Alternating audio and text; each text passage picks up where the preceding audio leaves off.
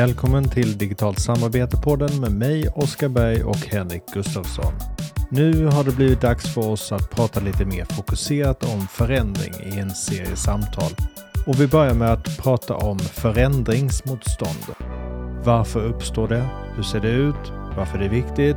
Och vad kan få oss själva att göra motstånd? Mer om det får du höra om du lyssnar vidare. Återigen, välkommen!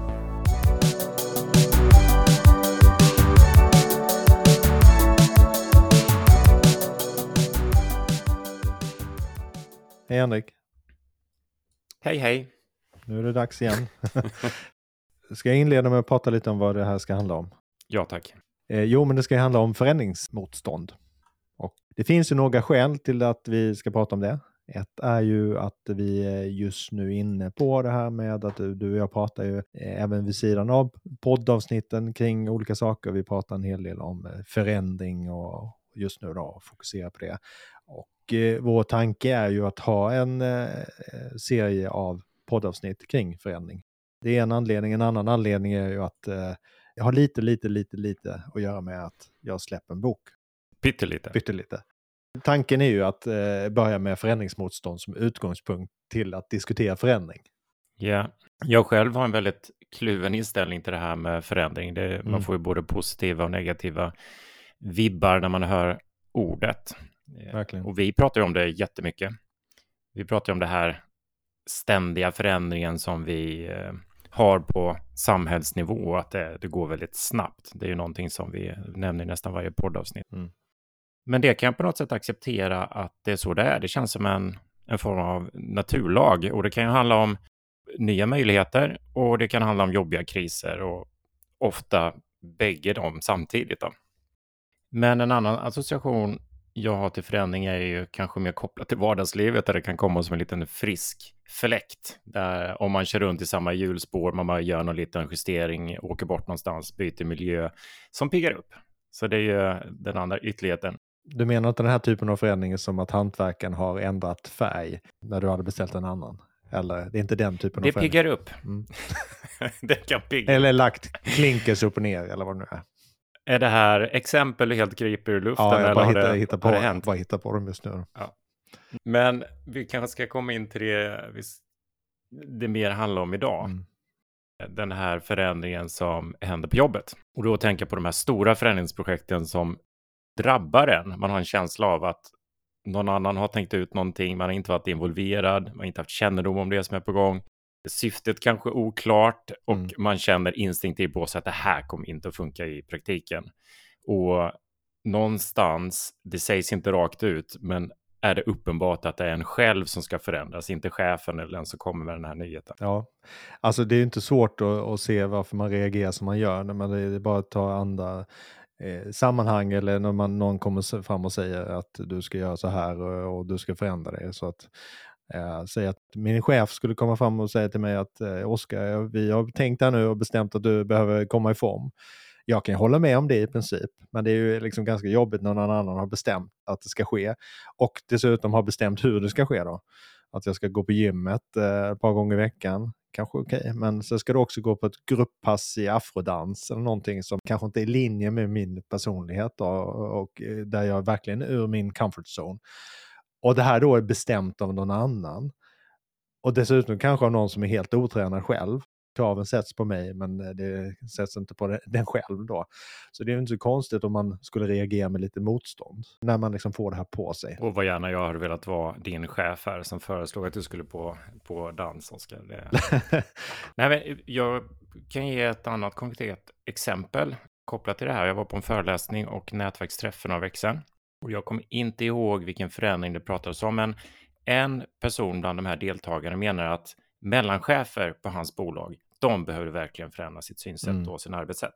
Och han sa också att om de inte kan lära om så är det lika bra att sparka dem. Och jag fick då intrycket av att han själv satt i någon form av ledningsgrupp här. Men då tänkte jag, vem är det egentligen som har störst ansvar för mellanchefernas synsätt och arbetssätt?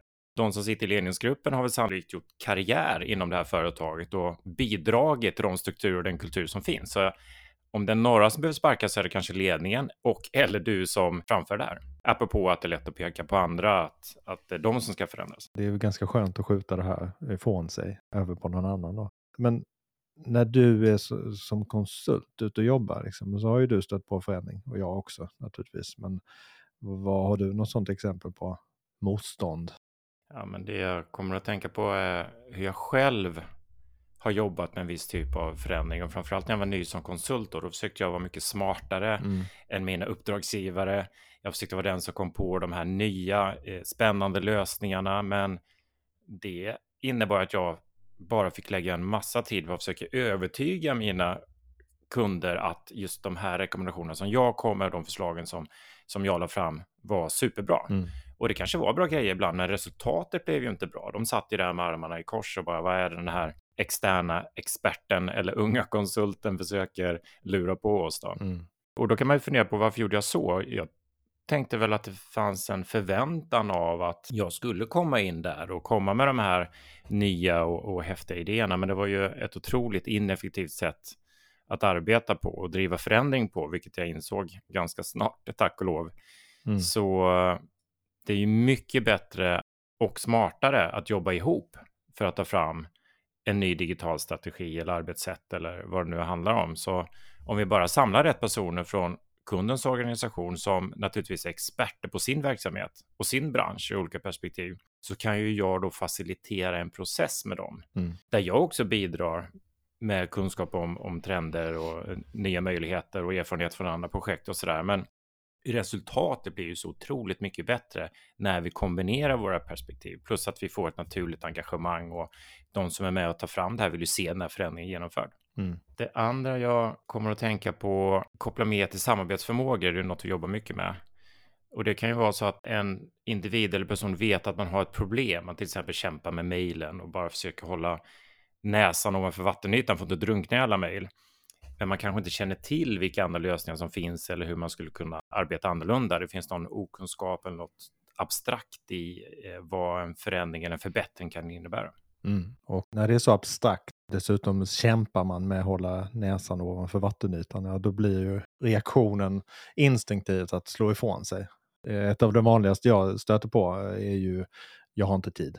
Det kan ju vara sant i vissa sammanhang, alltså man har jättemycket att göra, men där det är slående att det här faller, det här argumentet, det är ju när man kör initiativ där man faktiskt har allokerat tid och resurser för att stötta i förändring och också då allokera tid för, för de som deltar i den. Till exempel att de fått tid och, och möjlighet från sina chefer att engagera sig. Och då har man ju egentligen neutraliserat den ursäkten, men ändå får man höra den. Då är det uttryck för något annat än att man faktiskt inte har tid. Då. Kommer du ihåg den här bilden med två stenålderspersoner som kämpar med att dra en vagn som har fyrkantiga hjul? Och det kommer en tredje person springande med ett runt hjul som eh, hen har uppfunnit. Men, men de som drar vagnen säger att de har inte tid att testa. Exakt. Jag har gjort en variant på den. Har du inte sett den där, där jag fyllt den här kärran som du har med fyrkantiga hjul med massa mail. Och så säger jag att eh, där vi ska bara svara på alla mail först. I kontexten av det vi jobbar med. En annan klassiker eh, när det gäller sånt som eh, man stöter på tycker jag är eh, det här med säkerheten då. Alltså när det kommer ett nytt verktyg eller en ny förändring så, så kan det innebära säkerhetsrisker som gör allting liksom som man måste hantera. Och då är det väldigt lätt att säga med säkerheten då som stoppord för att få alla att stanna upp och fundera, är det här egentligen något vi ska göra? Det är kanske inte bra för säkerheten och så vidare. Ja men verkligen, det vi vet när det gäller säkerhet är ju att om ett jobb behöver utföras så försöker alla lösa problemet och gå runt de säkerhetslösningar eller policyn som man tycker hindrar en få jobbet gjort. Det gäller ju även amerikanska presidenter och vicepresidenter som Donald Trump och Hillary Clinton. Just Donald Trump tycker jag är lite ett eh, specialfall. Vad är anledningen till att Trump har tagit med sig de här hemliga dokumenten till Mar-a-Lago? Det är ju för att visa sina vänner vad han har tillgång till för information. Det är inte att få jobbet gjort som president om man säger så. Precis, Trump är ett vandrande people problem ur många perspektiv. Ja, nej men en, en poäng vi vill göra här är ju att det här motståndet kan eh, vara både dåligt och bra. Det kan ju faktiskt vara så att det här motståndet visar att förändringen är fel i sig. Det signalerar till oss att det, det, vi behöver titta på den här förändringen som, som vi gör. Eller att den är felaktigt eh, genomförd. Eller för den delen att vi är inte redo. Vi, är inte, vi har inte tillräckligt hög förändringsförmåga i organisationen för att hantera det här. Och då måste man ju hantera de bristerna. Då. Med andra ord är det ju väldigt viktigt att vi ser de här motståndsbeteendena, att vi försöker förstå dem och, och se vad som ligger bakom. För gör vi det, då kan vi också hantera de här orsakerna bakom. Och det, det är ju ansatsen till min bok, att jag illustrerar ju massa mer eller mindre vanliga motståndsbeteende på ett humoristiskt sätt. Skälet är ju helt enkelt att synliggöra dem, för att synliggör man dem så kanske man reflekterar över vilka som finns eller man stött på i den egna organisationen och då kan man ju ställa följdfrågan, ja, vad beror det här på och hur ska vi hantera det här och så vidare. Så det är inte, syftet är ju inte att bara stanna och titta på och skratta åt eller, eller gråta åt förändringsmotståndet utan att det gräver djupare. Jag tyckte det här är en mycket bra liknelse under ett eh, tidigare samtal som vi hade. Om man inte ser röken så förstår man inte att det brinner. Så det kan vara en anledning till att det är bra att synliggöra den här röken så att vi blir bättre på att detektera när det börjar brinna och upptäcker det i tidigare skede. Ska vi då prata min bok så är den ju väldigt rökfylld då. Har du några exempel? Ja, alltså det är svårt att återberätta något som är väldigt visuellt. Ett motståndsbeteende kan vara att man, eh, man säger en sak och så gör man en helt annan. Alltså man spelar som att man är medgörlig och tänker göra det som krävs, men i själva verket gör man det inte. Man kanske är passiv eller så gör man något helt annat. Då. Och det illustrerar jag ju med en person då som svarar på tilltal från någon och som ber den att göra någonting. Ja visst ska jag göra det, men sen så säger skuggan något helt annat. Du är inte rädd för att eh, vissa läsare ska tolka det här som en instruktionsbok på ett felaktigt sätt? jo, kanske. Eh, det finns, risken finns. Det är någon som kommer absolut bokstavligt tolka allting som står i den. Bara, bra tips på att sätta käppar i hjulet. Då blir den här eh, CIA manualen från 40-talet eh, som eh, visar hur man exakt. saboterar en organisation. Det, det kan absolut. Du släpper en modern klassi blivande klassiker här. Yes. Jag har ju tjuvkikat lite i boken också. Jag ska ta ett exempel bara. Eh, det är liksom varje sida har en poäng i det här och rubriken på den här sidan jag tänker på är skapa en innovationsenhet. Mm. Och illustrationen är att en person pekar på månen och säger är det inte coolt att mitt företag byggt sitt innovationslabb på månen? Och så finns det förklarande text under som säger skapa en separat innovationsenhet på egen hand utan att huvudverksamheten behöver påverkas. Och det här är då som ja, vi har sett det här som en slags ursäkt till att själva verksamheten inte behöver förändras utan man lägger förändringar någon annanstans. Mycket bra tycker jag. Ett digitalt alibi eller innovationsalibi eller något sånt här. Man lägger en bit ifrån och så kan man säga att man eh, hävd, eh, jobbar med innovation och har samröre med diverse kreativa startups och sådär, så, som rub off eh, liksom, på den egna organisationen, men man egentligen håller förändringarna borta eh, från liksom, huvudverksamheten. Ja, men det finns 97 fler exempel i boken och eh, ja, det... skratta åt eller förfäras åt dem. Ja, det är så många alltså. Jag har grävt själv lite grann i det här varför vi just instinktivt ofta reagerar mot förändringar. Vi är programmerade biologiskt eh, att motstå förändring. Eh, naturligtvis eh, för att spara våra krafter och inte utsätta oss för faror. Då. Och det blir väldigt intressant när de här nedärvda rädslorna och beteendena som vi har och som varit logiska förr, alltså när vi var samlare och jägare och så vidare, levde i naturen, och hur de får fritt spelrum i så här ganska märkliga, onaturliga situationer som vi befinner oss i idag. Och den här klassiken är ju att eh, tala inför en publik. Det är just en av de vanligaste fobierna och, och det trots att liksom, om man tänker på det, situationen i sig, det innebär ju ingen riktig fara. Man kan ju bli förödmjukad eller tycka det är pinsamt. Det finns sådana aspekter av det. Men det beteendet sägs ändå härstamma från en tid när vi levde då i de här små grupperna och där social utstötning kunde vara livsfarlig. Alltså vi var inte längre medlemmar i gruppen och då klarade vi oss inte. Alltså, apropå listor, en gammal kollega till mig, en HR-chef, sa att han hade sett en lista på de största rädslorna. Att, mm. att tala inför andra var på plats nummer ett, döden var på plats nummer tre. Och det, det, det går ju förstås att skratta åt det här men samtidigt är, är det här med rädsla viktigt. Liksom man ska ju inte trivialisera, den finns ju där av en anledning. Som sagt, den har varit nyckeln till vår överlevnad som individer och som arter. Eh, och är en logisk känsla i vissa situationer men vilseleder oss då i, i det moderna samhället ofta då, eh, och får oss att reagera på, på fel sätt. Och det är ju det mycket av det här bottnar i.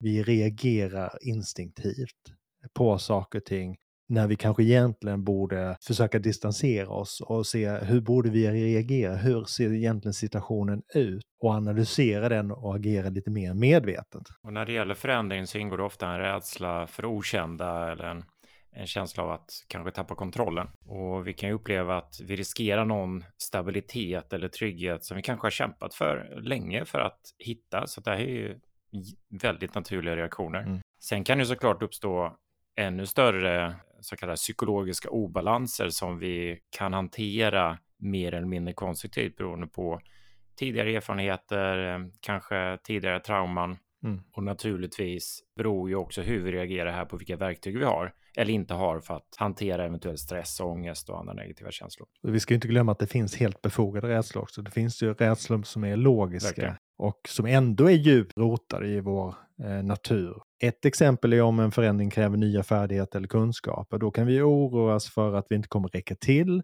Det leder till självtvivel och osäkerhet. Det bottnar i att vi, just kompetens och kunskap har varit viktigt för, för vår överlevnad. Alltså har vi inte kunnat eh, skilja på eh, två olika svampar så har, har det liksom kunnat vara ödesdigert. Vi kan i alla fall konstatera att det är helt naturligt för oss att bli rädda och oroliga och responsen då blir ju då antingen att slåss, fly eller spela döda. Det är bara det att de här rädslorna och reaktionerna idag triggar situationer där rädslorna kan vara helt omotiverade och reaktionerna kan ju framförallt vara helt ologiska. Eh, har du något sådant exempel? Spela död kanske? Spela död har jag kanske inte riktigt sett än, men jag tänker på det här med flyktgrejen. Eh, chefen som plötsligt fejkar ett telefonsamtal och måste lämna rummet för att bara hantera situationen. Alltså det finns, det kommer felaktig information så, så hen måste iväg. Eller det här liksom, jag säger inte att vi alla gör det, men och mobiltelefonen, nu hör jag väldigt dåligt här då och det, det låter ju som något från Solsidan, men eh, det, det är nog många som har upplevt det där i verkligheten. Sen finns det en variant som man kanske inte tänker på så ofta, det här med att när man blir överväldigad av information och nästan kommer i ett chocktillstånd eller att det är en väldigt hotfull situation så kan man bli, börja agera inställsamt och, och säga ja till någonting. Men egentligen är man i chock. Men den som föreslår den här förändringen kan uppleva att budskapet och informationen togs emot väldigt bra när det i själva verket var tvärtom. Då. Det här spelar död. Exempel på det kanske mer när vi blir helt passiva och liksom inte gör någonting. Det är ju ganska vanligt att man blir helt passiv och inte gör någonting. På tal om hur vi tar till oss information så är det uppenbart att det påverkas av en form av känslomässigt filter, känslomässiga erfarenheter. Men vi har ju också olika former av mentala filter, det vill säga hur vi tolkar saker eller, eller det omedvetna missar som vi gör när vi tar till oss information, eller hur? Det var ju det jag försökte komma in på nyss, som jag tappade lite tråden. Men det, är det här med Eh, olika former av kognitiv bias. En intressant sak som jag stötte på i en forskningsartikel eh, för ett tag sedan, det, det är att alla sorters kognitiv bias eh, då, som psykologer identifierar, de kan här, härledas till några få grundläggande övertygelser. Vi människor tenderar att tolka information på ett sätt som stödjer det vi redan är övertygade om. Och det i sin tur leder till kognitiv bias, att vi sorterar bort saker som inte stödjer de här övertygelserna. Då. Det här handlar ju då om någon form av inre och yttre öppenhet. Att man som individ behöver förstå riskerna här med bias och, och medvetet utmana sina egna antaganden och övertygelser. Inte bara säga till andra att de ska göra det, utan man måste göra det själv. Eh, och dels eh, få den här feedbacken från andra, samarbeta med andra för att få en mångfald av olika perspektiv för att inte hamna fel här då. Eh, inte så lätt som det låter, men jätte, jätteviktigt att jobba med. Mm. Ja, eh, hur ska vi slutföra det här då? Vi kanske ska gå tillbaka till det här med ingen rök utan eld, som eh, vi har konstaterat tidigare. Tanken med liksom min bok där är ju att stimulera den här öppna, eh, avslappnade dialogen istället för att fastna i att det här är dåligt och, och så vidare. Och så att man kommer förbi det här själva motståndet och börja prata om varför och vad man kan göra åt det. Ja, vi kommer ju komma in i efterföljande avsnitt ännu mer hur man kan titta på förändring på andra sätt. Men jag fick ett tips från en kollega om en eh, författare som heter Ken Wilber som har skrivit om utmaningarna vid förändring. Att man, det är så lätt att man fastnar på de här strukturella grejerna. Det är den här planen som man kan rita upp eller de här processerna som man kan skriva ner och så tappar man helt de här inre processerna och relationerna och, och allt annat som är, känns lite fluffigare att ta tag i. Fastän det är egentligen där de egentliga bestående förändringarna kommer att ske. Mm. Ska vi ta en uh, avslutande praktisk fråga. När kommer den här boken och hur får man tag på den om man är intresserad? Ja, den ska redan vara ute nu. Den är ute? Ja, det är, när det här släpps och precis när det här spelas in så är den på väg ut och tryckas ut i, på nätbokhandlar. Så att den kommer gå att köpa på, eh, ja, på de flesta nätbokhandlar eh, som Bokus, Adlibris eh, och så vidare.